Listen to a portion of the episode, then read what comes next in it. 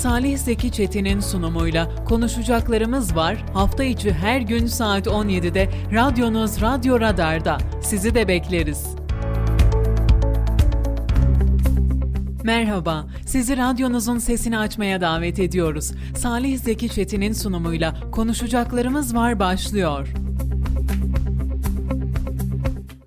Radyo Radar'dan konuşacaklar konuşacaklarımız var programından. Herkese hayırlı Ramazanlar, hayırlı akşamlar efendim.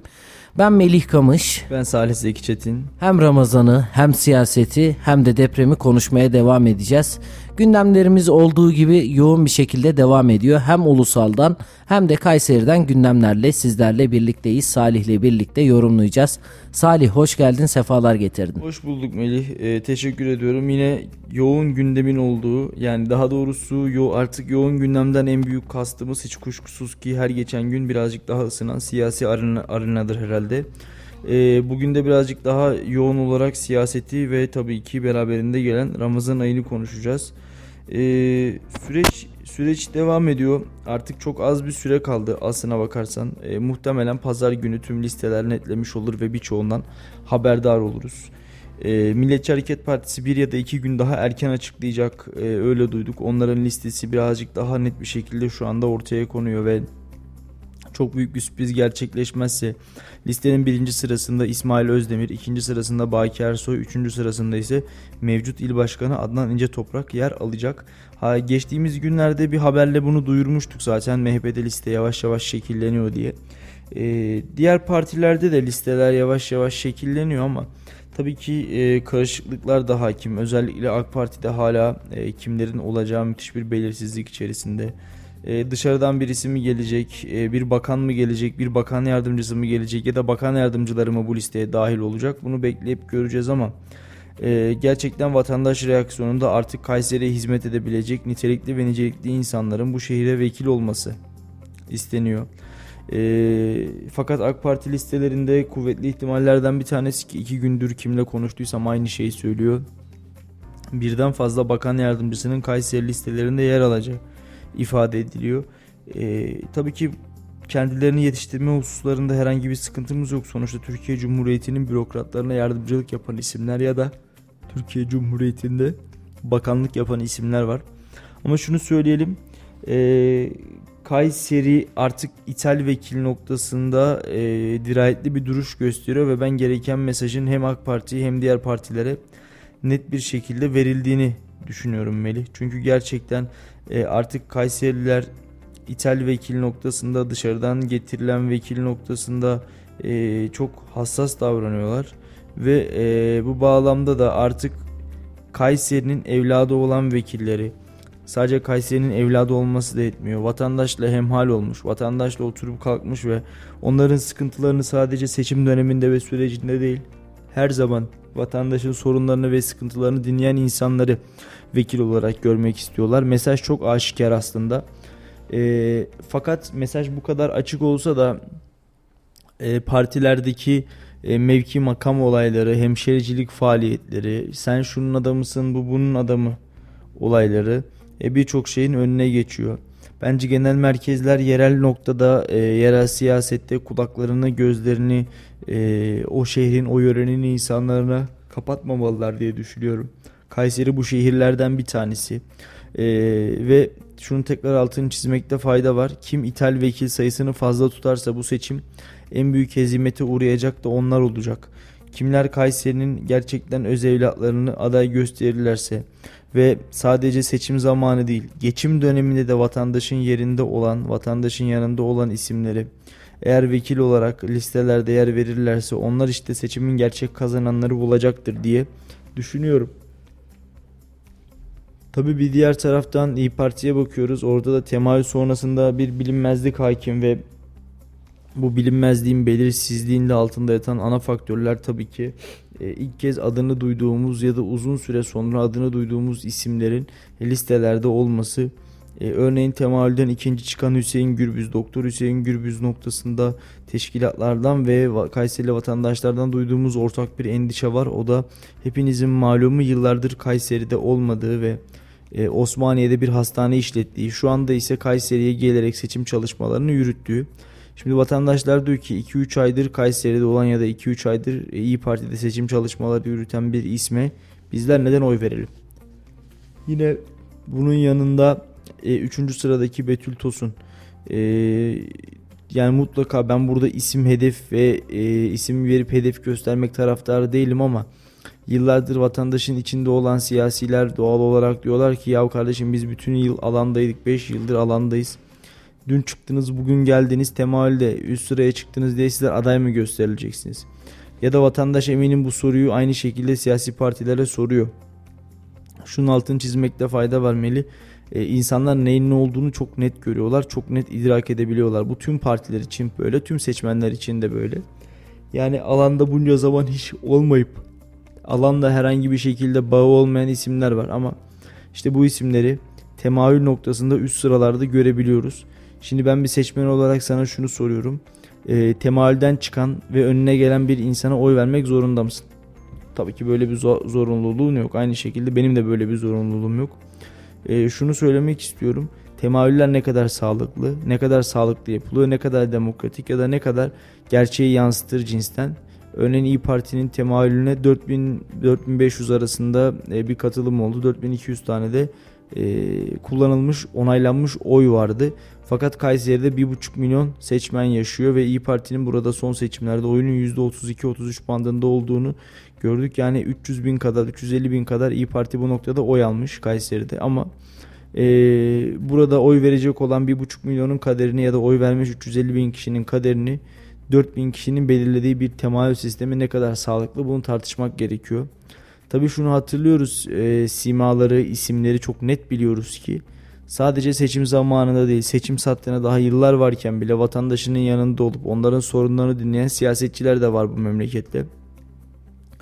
Bu bağlamda bu siyasetçilerin hakkını yemememiz, yedirmememiz gerekiyor. Ben bunu da savunuyorum. Hangi partiden olduğunun bir önemi yok. Sonuçta A partisinden de olsa, B partisinden de olsa yarın meclise Kayseri milletvekili olarak gidecek ve Kayseri şehrinin sorunlarını yine parti mefhumu gözetmeden gündeme getirecek olan bu insanlar. E, o sebeple gidecek olan vekilleri iyi seçmemiz, iyi analiz etmemiz, şehrin sorunlarını bilen, şehrin sıkıntılarını bilen, şehrin hassas noktalarını, eksiklerini, neleri gündeme getirmesini bilen insanları eğer meclise taşırsak işte o zaman gerçekten Gazi Meclisimizde Kayseri'nin adını biraz daha fazla duyar hale geliriz. Ama yok bizler burada niteliği ve niceliği her ne olursa olsun bir vekil de bizim tarafımızdan olsun deyip kendi görüşümüzdeki insanlar ya da kendi kayırmamız insanları meclise göndermeye çalışırsak bunun ceremesini önümüzdeki 5 yıl boyunca koca bir şehir olarak yine biz çekeriz. Yine bitmeyen otobanlar, çileye dönen hızlı trenler, atıl vaziyette duran banliyö hatları gibi birçok şehirsel problemle karşı karşıya kalırız. Ee, Şunu sorabilir miyim evet. Salih sana? Şimdi malum temayül yoklamaları tamamlandı ve partilerde de artık yaklaşık bir hafta bile kalmadı neredeyse. Bir hafta yok şurada üç gün var. Aynen adaylar netleşecek ve Kayseri'de artık çalışmalar başlayacak. Ama partilerin çıkarttığı adaylar, isimler bunlar ne kadar önemli ya da bunlar partilerin dağılımını meclise gönderecekleri vekil dağılımını değiştirir mi? İşte e, bugün laf sokakta konusu da buydu evet. zaten. Bence değiştirir Melih. E, şimdi şunu soracaklar ya da şunu düşünecekler. Örnek olarak veriyorum dinleyenler.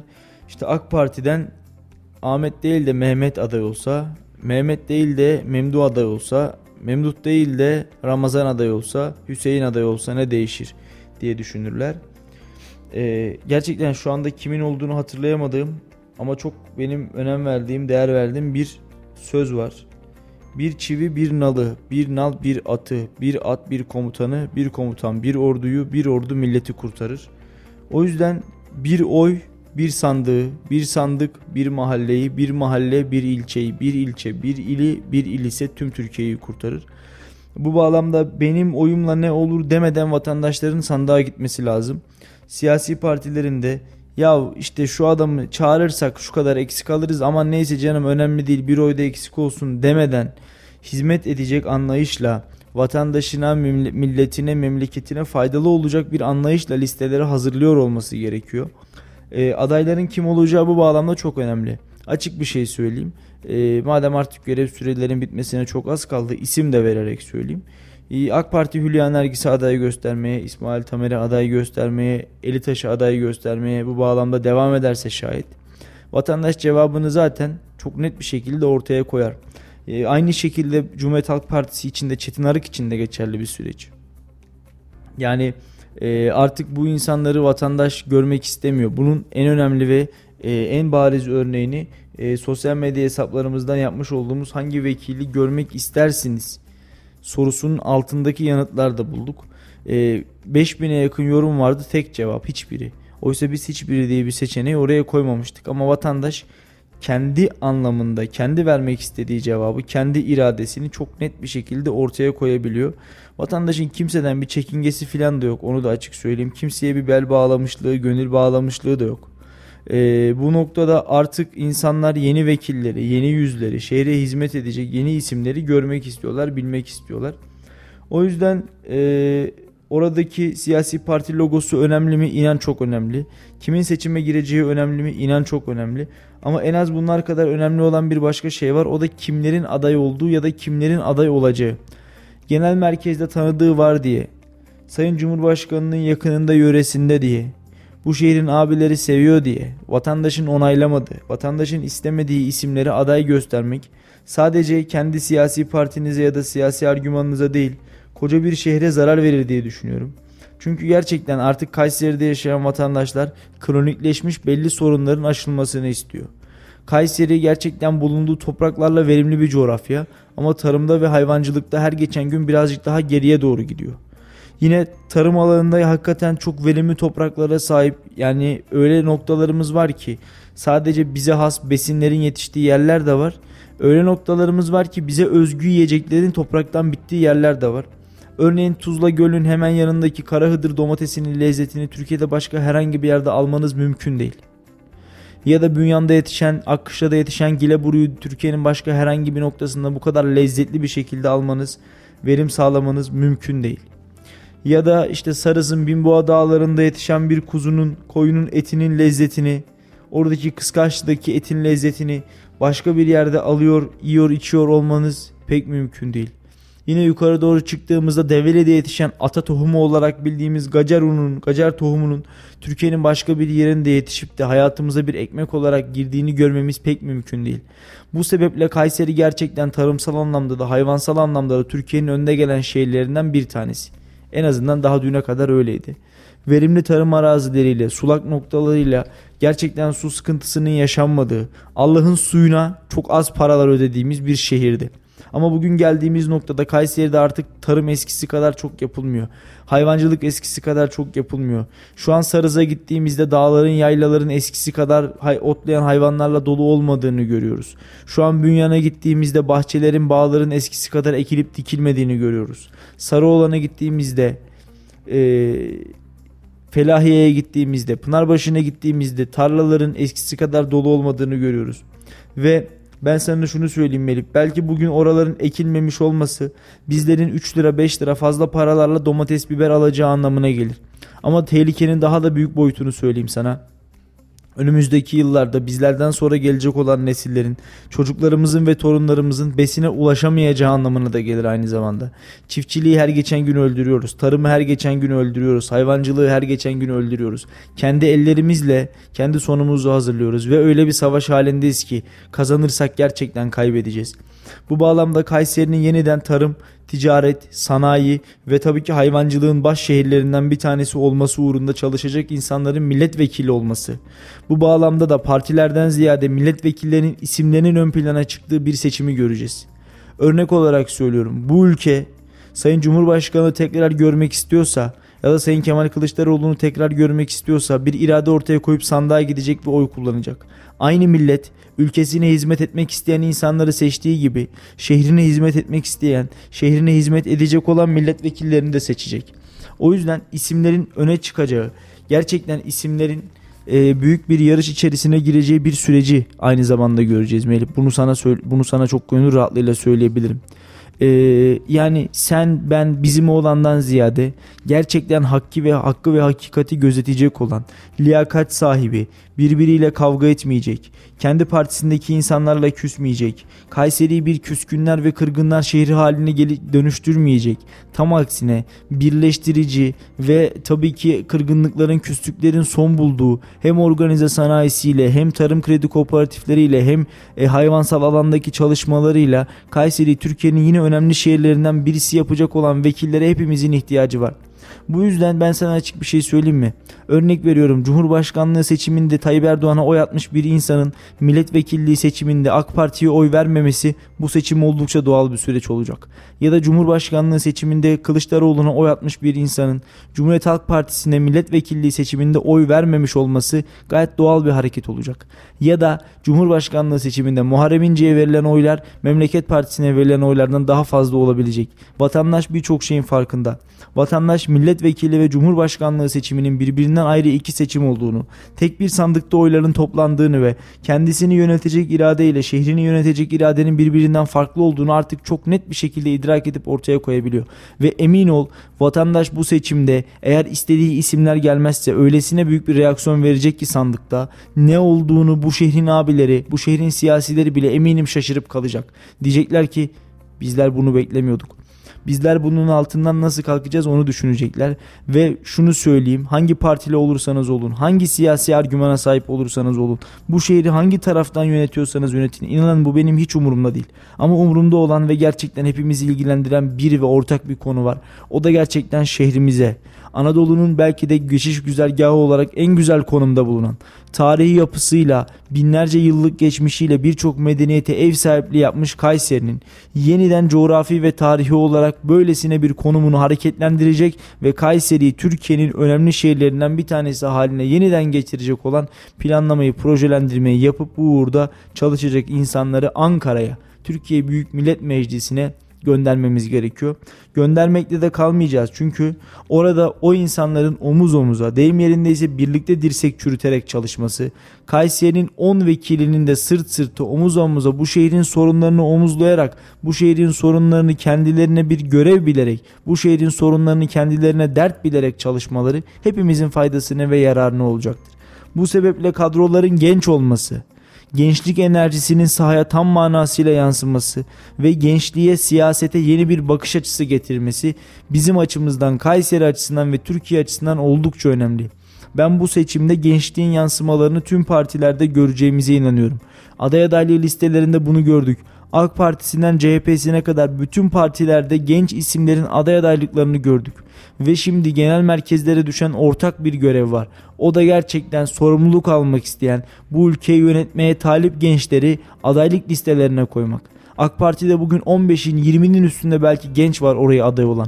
3 tane gençlik kolları il başkanlığı yapmış isim aday adaylığı için başvuruda bulundu. Hepsi hala genç, hala dinamik. Ben o zaman şunu söyleyeyim. O insanlar ellerini taşın altına koydularsa genel merkez bir sürprize mahal vermesin ve gelsin bu insanları listeye koysun. Koysun ki Vatandaş da gerçekten umudun gençlikte olduğunu ve gerçekten oy verdiğiniz zaman gençliğin çalıştığını hakikaten görebilsin. Ama biz iyi gençlere aday adayı yapalım. Ondan sonra siz hele bir durun bakalım. Şöyle bir kenara çekilin. Hele bir sonraki seçimde sıranızı bekleyin dersek eğer bunu söyleyebilirsek eğer işte o zaman Melih bu seçimin kazananı kim olur bilmem ama kaybedeni Kayseri olur. Hem Kayseri hem de gençler olur. En azından bir sonraki seçimlerde baktığımızda Gençler bir daha böyle bir şeye cesaret de etmez ya zaten seçilmiyoruz deyip kenarda da durabilirler.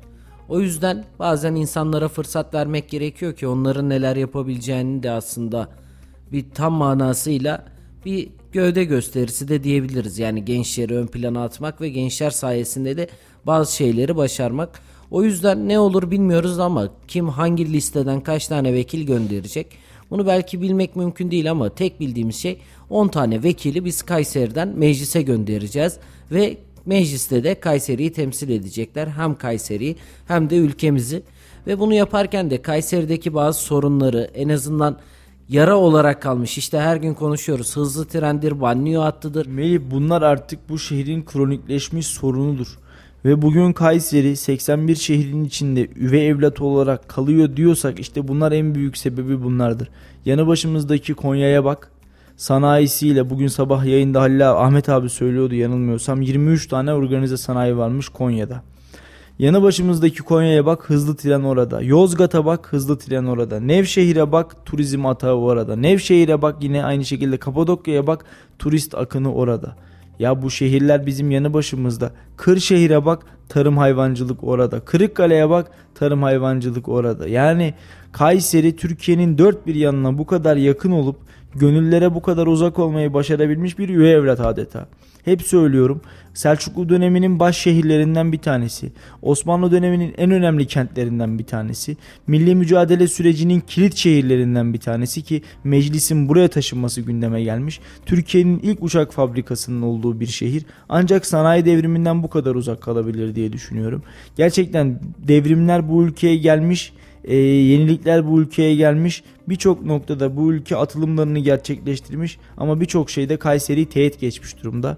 Örneğin ben sanayi devriminin Kayseri'yi teğet geçtiğini düşünüyorum. Çünkü sanayi şehri olarak anılan Kayseri'de sadece 3 tane organize sanayimiz var. Onlar da zaten Konya'nın yanında büyüklüklerinden esamesi bile okunmaz. Evet belki büyük organize sanayi bölgelerinden bir tanesine sahibiz ama bizim elimizde de zaten o büyüklükte sadece bir tane var.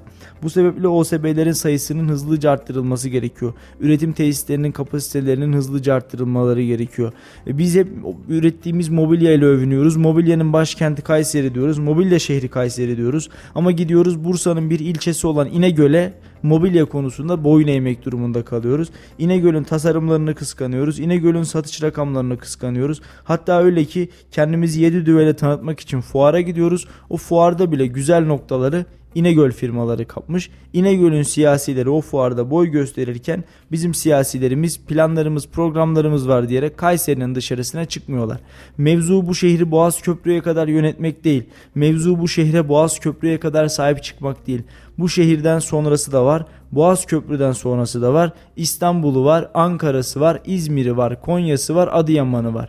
Bütün bunların yanında Kayseri'nin öksüzlüğünü, Kayseri'nin yetimliğini konuşabilecek bir de yüreğe ihtiyaç var. Ama konuşana sen hele bir dur bakalım. Ha siz zaten şuncusunuz, siz zaten buncusunuz deyip sınıflandırırsak, insanları bir korku ikliminin içine dahil edersek, kendi yaptığımız yanlışları bile bir kör aynasında görmeye devam edersek bu şehir üzülerek söylüyorum hizmet alamamaya devam eder.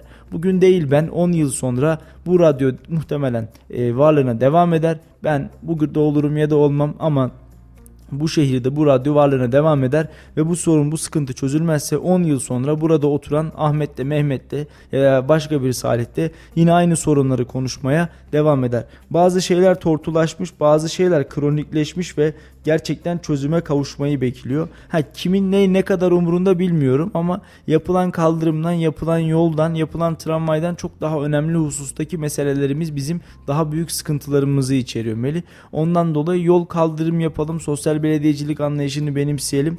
Ama şunu unutmayın. Gerçekten bazı noktadaki hususlar yol yapmaktan, kaldırım yapmaktan e, ya da işte insanlara park yapmaktan çok daha ötede, çok daha önemli bence. Onların başında da bu şehirdeki istihdam sorunu, bu şehirdeki eğitim kalitesi, bu şehire gelmeyen yatırımlar geliyor. Ama biz ne yapıyoruz? Hala kendi içimizdeki problemlere takılıyor. Hala kendi içimizdeki sıkıntılarla çözüm yolu arıyoruz. Ee, biraz büyük çerçeve görebilsek, resme biraz da olsa büyük bir açıdan bakabilsek eminim Türkiye'de daha önemli yerlere, daha önemli noktalara geleceğiz.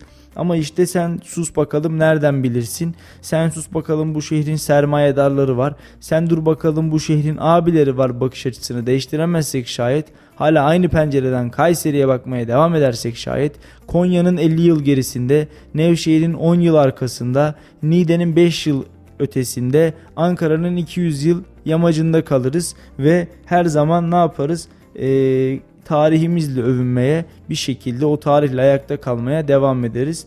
E, bugün e, baktığımızda gerçekten kadim Anadolu topraklarının önemli şehirlerinden bir tanesiyiz ama kendi kendimizin değerini kendi insanımıza anlatamıyoruz ya da kendi kendimizin değerini kendi yöneticilerimize anlatamıyoruz ya da bunların hiçbiri değil bizler onların umurunda bile değiliz. Ee, sadece oy zamanları geliyorlar ve gidiyorlar. Dün Mustafa abinin belki sabah yayında da konuşmuştur.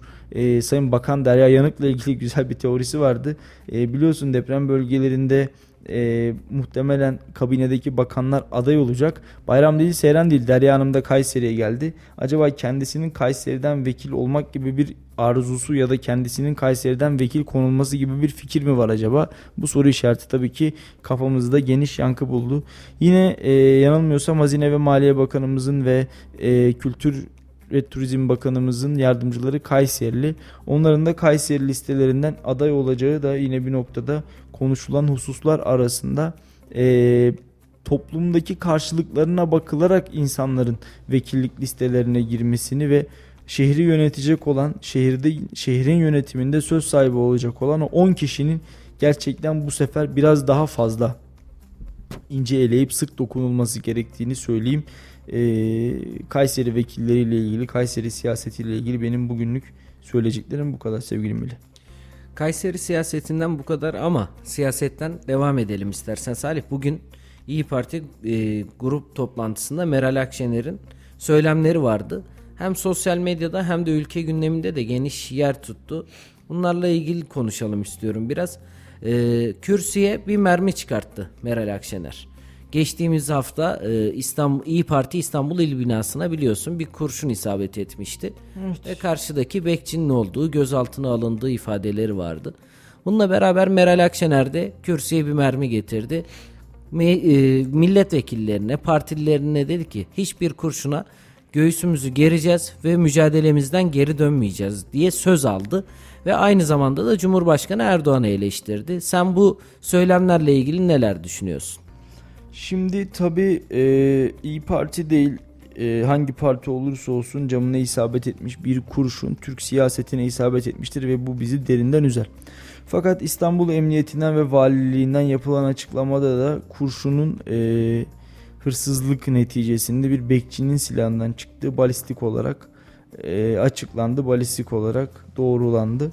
Yani bu bağlamda bir saldırı var demek de e, doğru bir ifade değil bence yanlış olur. Sen de zaten bir kurşun isabet etmesinden bahsettin. Ee, tabii şimdi öyle bir süreçten geçiyoruz, öyle bir dönemin içerisindeyiz ki e, iğne atsak yere bir kıvılcım oluyor yakıyor. İğne atsak yere aman Allah'ım ne oluyor sorusunu akıllarımıza getiriyor. Çok hassas bir noktadayız aslında Melih. Yani bugün bir siyasi partinin camına atılan bir taş bile çok büyük bir spekülasyona sebebiyet verebilir halde.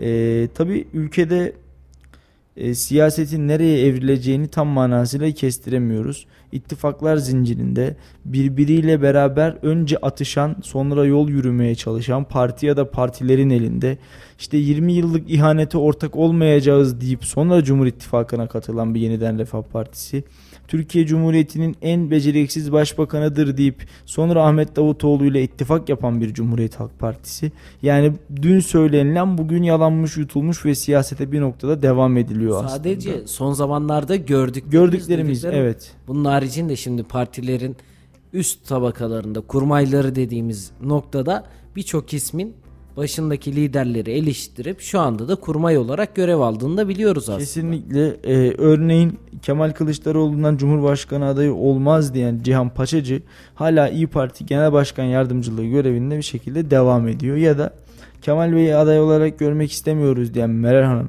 hala masada oturuyor.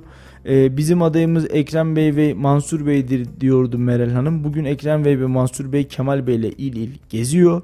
Bunun yanında e, yaklaşık olarak 4 yıldır AK Parti'yi en ağır şekilde eleştiren partilerden bir tanesi Yeniden Refah Partisi. Cumhur İttifakı'nın safına katılmış. Bugüne kadar milliyetçilik nezdinde herhangi bir adım atmamış, cümle kurmamış Hüdapar yerli ve milli olduğunu söyleyen bir ittifaka dahil olmuş durumda. Büyük Birlik Partisi'nin ve Milliyetçi Hareket Partisi'nin içinde yer aldığı bir ittifakta Hüdapar'ı da görüyoruz. Atatürk'ün kurduğu parti Cumhuriyet Halk Partisi'nin ittifakının yandan çarklı tarafında e, açıktan destek vermeyerek aday çıkartmadan dolaylı yoldan destek veren HDP'yi görüyoruz. Gerçekten Türk siyaseti şaşırılacak bir durumda. Yani şimdiye bir diğer belki böyle bir şey görmedik. Heh, şimdi bir diğer tarafa bakalım. E, hiçbir ittifakta yer almayan tek başımıza ilerliyoruz diyen Memleket Partisi baraj sorunu olan tek parti şu anda konumunda yani hani baraj sorunu derken ittifaklarda baraj problemi Baraj olmadığı sadece için. Memleket Partisi'ne koyulmuş gibi an. Aynen öyle. Sadece baraj Memleket Partisi'ne var. E bir diğer tarafta Ata İttifakı işte Sinan Oğan'ın Cumhurbaşkanı adaylığında Zafer Partisi'nin önderliğinde farklı partiler birleşmiş. Şu an ittifakları çıkartırsak ittifaksız tek parti Memleket Partisi. Bugün de Anıtkabir'deydi Muharrem İnce ve kurmayları binlerce binlerce kişilik bir kalabalıkla seçim meşalesini yaktı Muharrem İnce. Aday adaylarının neredeyse tamamı Ankara'daydı. Aslanlı yoldan yürüdüler. Atatürk'ün huzuruna çıktı Muharrem İnce ve seçim propagandasına başladığını duyurdu. Tabii e, konuyu çok dağıttık. İyi Parti'ye sıkılan kurşundan girdik. Muharrem İnce'nin e, Anıtkabir'deki Aslanlı Yol hadisesinden çıktık ama İstersen yeniden hatırlatalım siyaset bugün Meral Öyle Akşener'in. evet bugün Meral Akşener meclis toplantısında me- grup toplantısında eline aldığı kurşunları e, gösterdi ve bizi bunlar korkutamaz dedi. Bunlarla mı korkutmaya çalışıyorsunuz dedi. Kurşunları yere fırlattı.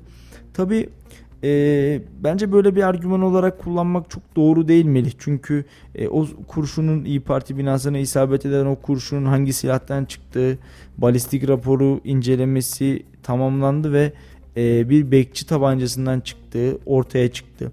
E, durum böyleyken hala bunu köpürtmenin ya da köpürtmeye çalışmanın ne İyi Parti'ye ne Türk siyasetine ben bir katkısı olduğunu düşünmüyorum.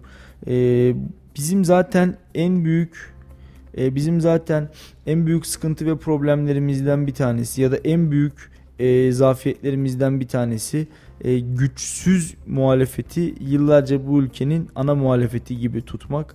E, muhalefet eğer şu an itibariyle çok güçlü bir duruş sergileyebilmiş olsaydı ve gerçekten e, bu muhalefet iktidarı yıllarca en iyi şekilde çalıştırabilmiş olsaydı sadece ve sadece iktidarın her yaptığına yanlış, her yapmadığına doğru dememiş olsaydı. Söylem üretip gerçekten ortaya elle tutulur, gözde görülür bir şey koymuş olabilseydi belki de o zaman belki de o zaman çok daha iyi bir noktada olabilirdik. Ben Meral Hanım'dan ve partisinden daha yapıcı bir siyaset bekliyorum. Daha yapıcı bir muhalefet bekliyorum. Ee, önemli bir hadise mi? Kurşunlanma hadisesi önemli bir hadise ama hani sebebi sonucu belli olmuş. Bunu daha fazla köpürtüp vatandaşın önüne sunmaya da gerek yok diye düşünüyorum. Aslında biz bu tür olayları çok fazla göreceğiz Salih. Yani şu an en ufak bir gaf, en ufak bir hareket çok popüler olup bizim önümüze gündem olarak çıkabiliyor. O yüzden de bu gündemler 14 Mayıs'a kadar devam edecek. Yani nasıl sonuçlanır, ne kadar etki olur tabi bunu vatandaş nezdinde görmek için 15 Mayıs'ı beklememiz gerekiyor. Evet. 15 Mayıs günü her şey zaten belli olmuş olacak. Olacak. Ee, 15 Mayıs'a da çok bir süre kalmadı aslında. 39 gün. Evet. Ee, yani bugün otu, bugün seçim startını veriyoruz. Listeler belli desek 39 gün var.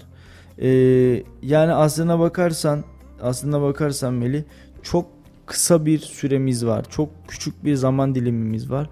Diğer seçimlerden ve e, diğer seçim süreçlerinden daha kısa bir zaman dilimi bizi bekliyor.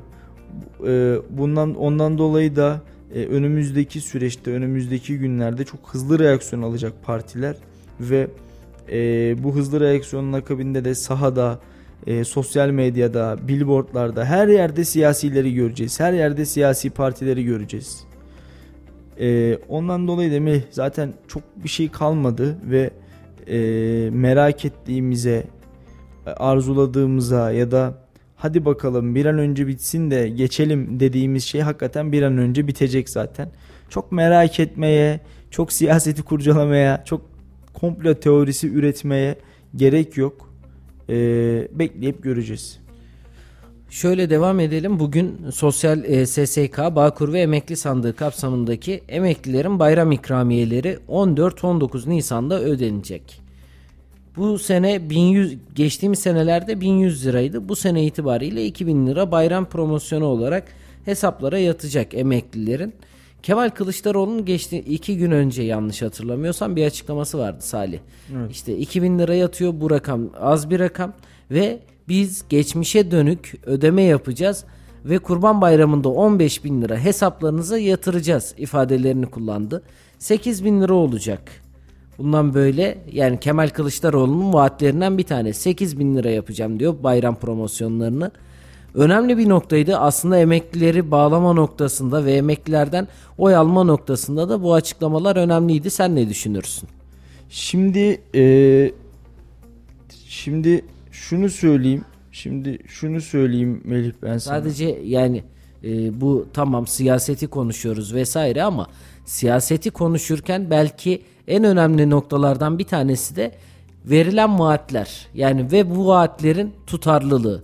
İşte siz şimdi bugün kalkıp da emeklilere evet emekliler geri dönüyoruz. Bundan sonra size bir tane ev, bir tane araba alıyoruz. Anahtarlarını veriyoruz. Sizlere derseniz belki bu çok mümkün olmayacağı için vatandaşlar gözünde de inandırıcılığı az. Belki buradan oy toplamayabilirsiniz ama bu tarzda işte Kemal Kılıçdaroğlu diyor ki nasıl vereceğiz diyor. Ben bunu anlatayım diyor. Beşli çetelere verilen paraları biz kısacağız, tasarruf yapacağız. O paraları size aktaracağız diyor. Yani burada beşli çeteler falan belki ben bilmiyorum o kadar boyutunu.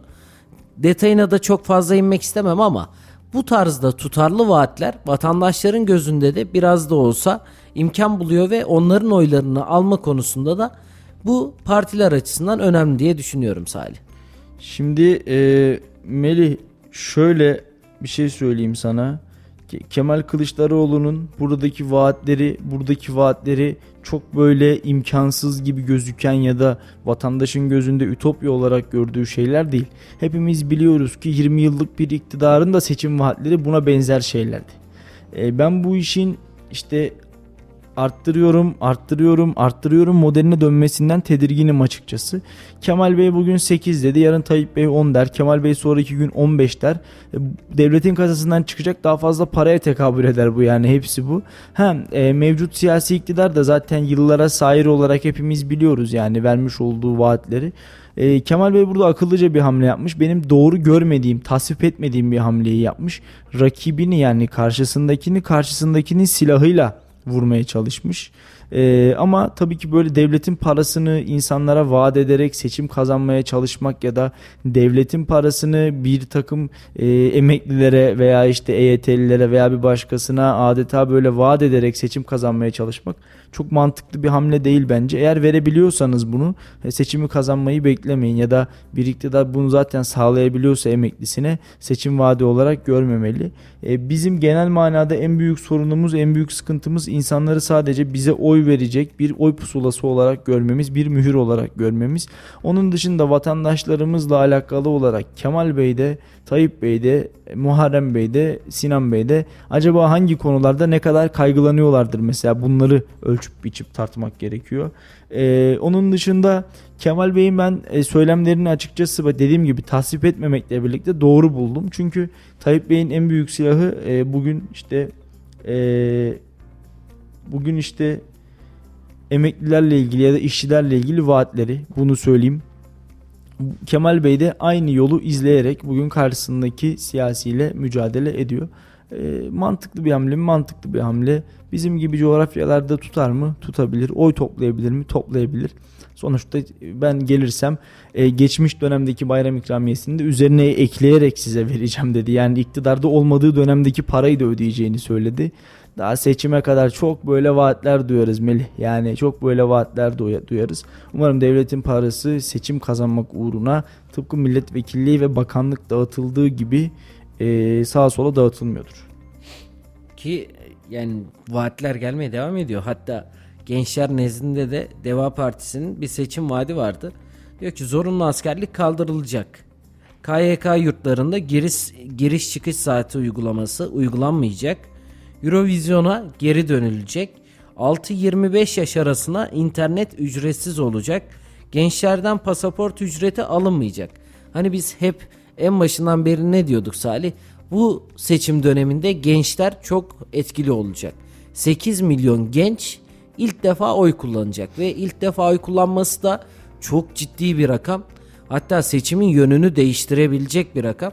Bu nedenle de partililer artık tamam vaatlerini yapmaya başlıyorlar. Emeklilere, normal çalışanlara belki vaatler verecekler ama en büyük vaatler bence gençlere gelecek. Çünkü gençlerden alabildikleri her oy bu seçimde ne kadar kritik olduğunu göstermiş oluyor. Şimdi e, Melih sana şunu söyleyeyim. Deva Partisi'nin e, ortaya koymuş olduğu zorunlu askerliği kaldırıyorum. Kaldıralım vaadi saçmalıktan öte bir şey değil. Yani e, gerçekten saçmalıktan öte bir şey değil. Hangi aklı selim, hangi askerliğini e, askerliğini yapmamış ya da askerliğini yapmış e, Türk evladı böyle bir önergeyi ortaya koyup iktidar olursak askerliği kaldırıyoruz. Yani toplumun sinir uçlarıyla oynamak için ellerinden geleni yapıyorlar. Ya eskiden hatırlayacaksın askere gitmeyen bir insana kız verilmezdi. Niye? İşte asker ocağı bir şekilde oranın görülmesi lazım. Biraz zorluk, biraz sıkıntı çekilmesi lazım. E şimdi ne oldu? Biz iktidar olursak zorunlu askerliği kaldıracağız. Yok öyle bir dünya. Gerçekten yok öyle bir dünya. Yani kulağa belki askerlik yapmamış genç kardeşlerimiz tarafından güzel gelebilir ama hani bu toplumun, bu kültürün gerçekten bu toprakların bize vermiş olduğu bir sorumluluk var. İyi askerliği kaldır. Yarın zorunlu eğitimi de kaldır. Öbür gün başka bir şey kaldır. Diğer gün onu al. Ya böyle bir dünya yok ya. İktidar mı olacağız? Sistemi mi değiştireceğiz? Ülkenin düzenini mi değiştireceğiz? Yeni ülke mi kuracağız? Hani artık iktidar olacağız diye saçma sapan vaatleri insanların önüne gerçekten bir argümanmış gibi koymaya başladık ya. İşte askerlik yapmadığı için kız verilmeyen, evlendirilmeyen bir nesilden iktidar olursak askerliği kaldırıyoruz diyen bir zihniyete geldik. Ve bu zihniyet bizim gibi milliyetçi olan bir coğrafyada, Türk coğrafyasında iktidarı yönetmeye talip oluyor. Bir tanesi tutuyor özellik istiyor, bir tanesi tutuyor askerliği kaldıracağız diyor. Askerliği kaldıracağız diyenin özellik isteyenden zerre farkı yoktur gözümde.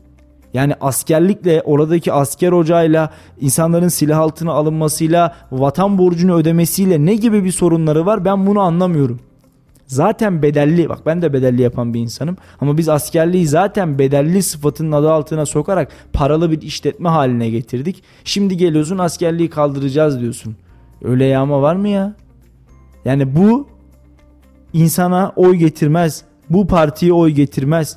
Bu insanlar nezdinde ya ne kadar şirinsin Ali Babacan dedirtmez. Tam aksine bu sizin vatanseverliğinizi sorgulatır. Bu sizin bu topraklarda yaşayıp yaşamadığınızı sorgulatır. Bu sizin bu topraklar kazanılırken İngiliz işbirlikçilerle masaya oturanların torunu olup olmadığınızı sorgulatır. Geldiğimiz noktada gerçekten siyasilere akıl sır ermiyor. Sanki her biri oy kaybetmek adına oy kaybetmek için mücadele ediyor gibi hissediyorum. Bu toplumun sinir uçlarıyla oynamak için mücadele ediyor gibi hissediyorum. İşte vaatler gelecek ama nasıl vaatler olacak? Belki çok saçma sapan dediğimiz şey, şeyleri de bize vaat olarak sunuyor olabilir siyasetçiler. O yüzden 14 Mayıs'ı bekleyeceğiz. Vatandaş da en azından ne kadar karşılık veriyor, bekleniyor bunu da görmüş olacağız. Yok ben sana şöyle bir şey söyleyeyim Melih şimdi. Deva Partisi bu açıklamayla Millet İttifakı'na oy kazandırdığını, kendi popülaritesini arttırdığını zannediyor değil mi? Yani Ali Babacan'a bu fikri kim veriyorsa çok büyük yanılgıdalar, çok büyük yanlıştalar. Ben Ali Babacan'ın yerine olsam açıklamayı kim yaptı bilmiyorum. Bir ben yaptıysam Ali Babacan olarak bana bu metni kim verdi kardeşim derim. İki bu açıklamayı kim yazdı derim. Üç böyle bir fikri ortaya kim attı derim.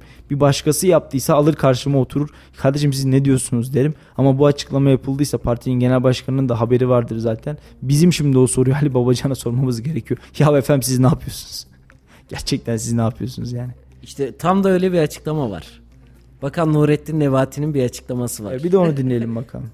Koyun eti ucuz ama tercih edilmiyor kokusundan dolayı. Bunu değiştirmek lazım demiş. Hatta Koyun etini mi değiştirmek Evet. lazımmış? Anladım. Parfüm sıksın. Şimdi yani Bakan Nebati Tarım Orman Bakanlığı'nı oynuyor herhalde. ucuz o şey olarak söyleyeyim. Devamını da okuyayım. Türkiye'de damak tadı değişti. Şu anda koyun eti çok ucuz. Dana dana etine göre ama koyun etini yemiyorlar. Halbuki biz koyun üretimine yönelik bir coğrafyada yaşıyoruz ama biz damağı dana etine çevirdik. Şimdi 3 ay sonra da tavuk eti çok lezzetli ama işte tüylü olduğu için tercih edilmiyor filan der herhalde. Yo Tavuk etini daha öne sürebiliriz çünkü kırmızı ete göre fazlasıyla ucuz. İşte bir- birkaç ay sonra da onu öne sürer. Çünkü insanlar artık onu alamamaya başladılar. Şu an kuzu etini alamıyoruz. Bir kere etin ucuz olduğu falan yok. Biz fakiriz alamıyoruz. Yani bu konuda eğri oturalım doğru konuşalım. İkincisi koyun etinin koktuğunu iddia eden falan yok. Gayet insanlarımız tüketiyor alabildiği takdirde. Üçüncüsü ekonomi bakanı mısınız? Tarım bakanı mısınız? Beyefendi ne yapıyorsunuz? Böyle açıklamalar gerçekten şaka gibi. Yani e, bir ülkenin bakanına bakıyorsun. Bakan Nebati koyun eti koktuğu için insanlar tüketmiyor diyor. Diğer taraftan dönüyorsun. Önceki dönemlerde e, o dönem Ekonomi Bakanlığı'ydı. Hazine ve Maliye Bakanlığı yapmış. E, Ali Babacan'a bakıyorsun. Bu ülkede gerçekten Hazine ve Maliye Bakanlığı yapıyorsanız ya da yapmışsanız ciddi anlamda psikolojik destek almanız gerektiğini görüyoruz aslında. Hem Ali Bey'in açıklamaları hem de Bakan Nebati'nin açıklamaları. Zaten Ali Bey son olarak İHA ve SİHA'larla ilgili olarak yapmış olduğu çıkışlarda e, askerlikle ilgili yapmış olduğu çıkışlarda, milliyetçilikle ilgili yapmış olduğu çıkışlarda her birimizin hadi ya efendim böyle de cümle kurulur mu? Bu ülkede bürokrat olmuş bir isimsiniz. Terörle mücadele etmiş bir isimsiniz. Böyle cümleler size yakışıyor mu? Diye sorulurdu. Sormamız gerekiyordu ve bugün geldiğimiz noktada da hala hazırdaki ekonomi ve hazine ve maliye bakanımıza aynı şeyi sormamız gerekiyor. Ya efendim siz ne yapıyorsunuz? Bu ülkede bir tarım bakanı var. Bu ülkede bir sağlık bakanı var. Bırakın bunları onlar cevap versin. Bırakın koyun etinin kokup kokmadığını, koyun etinin fiyatını, karkas etinin ücretini bırakın e, Tarım ve Orman Bakanı cevap versin. Bakan Nebati herhalde bu açıklamaları da şey gibi zannediyor. Deprem bölgesinde Binali Bey'le şöyle omuz omuza girdiği mücadele gibi zannediyor. Hangi konuyu el atsam diye düşünüyor. Ama bence artık otursun ve sessiz sakin bir şekilde son 39 gün bakanlık yapacak. Ondan sonrasında görevi tevdi edecek. İktidar değişirse de kabine değişecek. İktidar aynı kalırsa da kabine değişecek. Çünkü bakanlar milletvekili olacak. Bence Sayın Nebati son 39 gününde milletvekilliğine hazırlanıyor gibi düşünüyorum. Milletvekilliğine hazırlanıyor diye düşünüyorum. Ama inşallah durağı Kayseri olmaz. Zira işimiz o zaman çok zor olur. Bu topraklarda da çok fazla koyun yetişiyor. Örneğin Kıskaçlı'ya giderse orada da ya koyun eti ucuz ama biraz kokuyor işte filan derse e, linçlenebilir. Kayseri bu topraklarda bu coğrafyada koyun üretiminde önemli şehirlerden bir tanesi. Komik bir açıklama gerçekten komik bir açıklama. E, ne söylersek söyleyelim aklımızın ve zihnimizin yetemeyeceği cinsten bir açıklama. Şu açıklamayı 23 Nisan'da bakanlık koltuğuna oturmuş bir çocuğa yaptırsan herhalde güler geçeriz. E, ama öyle zannediyorum ki Bakan Nebati de ciddiye almış. Danışmanları tarafından bu açıklama kendisine sunulmuş ve kendisi de bu açıklamayı yapabilmiş. Vallahi helal olsun. Gözlerindeki ışıltıdan sonra koyun etindeki koku açıklamasıyla da hafızalarımızda ve zihnimizde kalacak bir Hazine ve Maliye Bakanlığı'na sahibiz. Çok şükür, çok şükür diyorum çünkü seçime kaç gün kaldı? 39. 39 gün sonra Bakan Nebati milletvekili olacak. Yeni kabinede yer almayacak. En büyük kıvanç kaynağımız herhalde bu. Kesin Ee, Türk milleti e, yok kabine değişiyor. Sayın Cumhurbaşkanı açıkladı ya. Şeyler e, bakanlar vekil oluyor kabine değişiyor. Türk milleti olarak da kaç aydır eğer Bakan Nebati'ye katlanıyorsak o süre zarfında da gerçekten her birimize birer ödül birer promosyon verilmeli. Böyle talihsiz açıklamalar karşısında sabrımızı ve sükunetimizi koruyabiliyorsak hala gülmeden psikolojimiz bozulmadan bu açıklamaları dinleyebiliyorsak her birimize yürekten kocaman alkış istiyorum. Salih dünden beri hem ülke günde hem ülke gündeminde hem de dünya gündeminde geniş yankı buldu. Biliyorsun her Ramazan ayına girdiğimizde Mescid-i Aksa'ya ilk kıblemize bir saldırı düzenleniyor İsrail tarafından. Ramazan ayının 14. gününde de yine dün Mescid-i Aksa'nın bahçesinde toplanan, namaz kılan yani din kardeşlerimiz diye nitelendirdiğimiz kardeşlerimize bir saldırı gerçekleşti İsrail tarafından. Yani Evet. her sene bu oluyor ve Dışişleri Bakanlığı'nda da acilen durdurun çağrısında bulundu İsrail'e. Bu gündemle ilgili konuşalım istersen. Ya Melih çok üzülüyorum. Gerçekten çok üzülüyorum. Ee, İsrail'in ortaya koymuş olduğu bu alçakça duruşa karşı biz İslam ülkeleri olarak sadece durdurun diyoruz. Ee, bu Rusya-Ukrayna savaşını kınamaktan öteye geçemediğimiz günleri hatırlatıyor bana. O günlerde de kınıyoruz, en çok biz kınıyoruz, siz kınayın, hayır siz kınayın falan böyle bir tavra bürünmüştük. En sert şekilde Türkiye kınamıştı. O gün Hulusi Akar da herhalde en ağır şekilde kınıyorum diye bir açıklama yapmıştı Sayın Bakan. Ee, yani gerçekten İsrail her sene bu zulmü Müslüman coğrafyasında uyguluyor. Ve bizler ne yapıyoruz? Durdurun kardeşim şunu diyoruz. Herhangi bir yaptırımımız yok. Dün elleri bağlı orada elleri kelepçeyle bağlanmış, plastik kelepçeyle bağlanmış Müslüman kardeşlerimi gördüğümde ben gerçekten çok üzüldüm. Yani bizler madem aynı dine mensup ve hepimizin kardeş olduğunu anlatan bir coğrafyada yaşıyorsak buna en sert şekilde de tepkiyi ortaya koymuş olmamız gerekiyor. Ama geldiğimiz noktada beklenilen sertlikte, beklenilen yaptırımda herhangi bir tepki ortaya koyduğumuz filan yok. Tüm Müslüman coğrafyası için konuşuyorum. Sadece Türkiye için de değil. E çünkü gerçekten Mescid-i Aksa başta olmak üzere Filistin'de İsrail'in Müslümanlara karşı yapmış olduğu zulüm herkes tarafından biliniyor. Ama bu zulme karşı yeteri kadar çağrıda bulunamıyoruz. Ne diyor Hazreti Ali? Haksızlık karşısında susan dilsiz şeytandır. Allah muhafaza her birimiz dilsiz şeytan olma yolunda şu an ilerliyoruz. Tuttuğumuz oruç, kıldığımız namaz, gittiğimiz sahur, iftar, teravih hepsi bir kenara oradaki bir Müslüman kardeşimizin sesini çığlığını duyuramıyorsak ayrı hadise. Bir zulüm görüyorsan ve müdahale edemiyorsan onun yayılmasını sağla diyor. Biz onu da sağlayamıyoruz. İslam dünyası olarak yeteri kadar birleşerek çağrıda bulunamıyoruz dinimizi sadece hac mevsiminde hacca giderek, umre dönemlerinde 5. 6. kez umreye giderek, ee, işte zekatımızı fazla fazla vererek, namazımızı kılarak, orucumuzu tutarak, İslam'ın şartlarını yerine getirerek, sadece yazılı şartlarını yerine getirerek uyguladığımızı öngörüyor, söylüyoruz. Fakat orada bir Müslüman çığlığı var. Orada bir mazlum zulüm çığlığı var. var. Orada bir zulüm var. Bu zulmün karşısında da elimizde var olan mikrofona iki kelime fısıldayamaz hale geldik. İsrail'e gerekli yaptırım uyguluyor olmamız gerekiyor. Uygulayabilmemiz gerekiyor. Yani yıllardır bizi Müslüman toplumları olarak İsrail'den bu kadar korkutan şey her ne bunu bilmiyorum ama gerçekten o coğrafyada Müslüman kardeşlerimize ciddi manada bir zulüm var. E bu zulme karşı da sessiz kalmamamız gerekiyor. Onlar orada zulüm altındayken burada kıldığımız, rahat kıldığımız teravih namazları, gönül rahatlığıyla tuttuğumuz oruçlar bizim için ne kadar sevap bunu düşünmek gerekiyor. Orada insanlar elleri plastik kelepçeyle bağlanmış ve Mescid-i Aksa'nın mescidinde halısının üzerinde ters kelepçe yapılmış yatıyorlar. Koyun gibi yatırmışlar o insanları orada.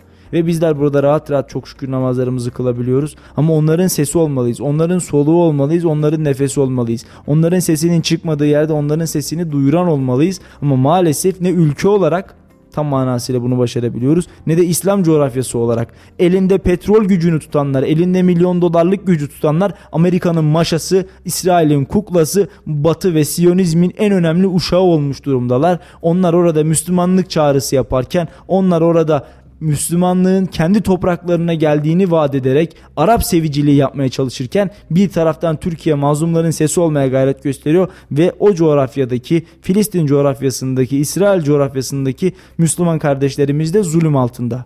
Yani elinizde o kadar imkan olacak, o kadar petrol olacak, o kadar para olacak ama Amerika'nın koltuğunun altından, İsrail'in koltuğunun altından çıkamayacaksınız ki önümde mikrofon olmasa daha amiyane tabirler de var. Ondan sonra geleceksiniz Müslümanız kardeşiz diyeceksiniz. Var mı öyle yağma? İşte Arap'ın ne kadar tehlikeli bir ırk olduğunu bir kez daha görelim. Bunu bir kez daha ifade etmek istiyorum. Oradaki Müslüman kardeşlerimizin sesini duyuruyor olmamız gerekiyor. Ki her Ramazan'da yaşadığımızda, gördüğümüzde sadece işte kınıyoruz. Ama kınamanın ötesine ne kadar geçebiliyoruz? Bunu sorgulamak lazım. Ve yaptırım yaparken yaptırım uygulama gücü yok zaten bizde. Ve kınıyoruz diyoruz orada konu bitiyor. Ve her Ramazan'da istisnasız her Ramazan'da gerçekleşen bir zulüm var.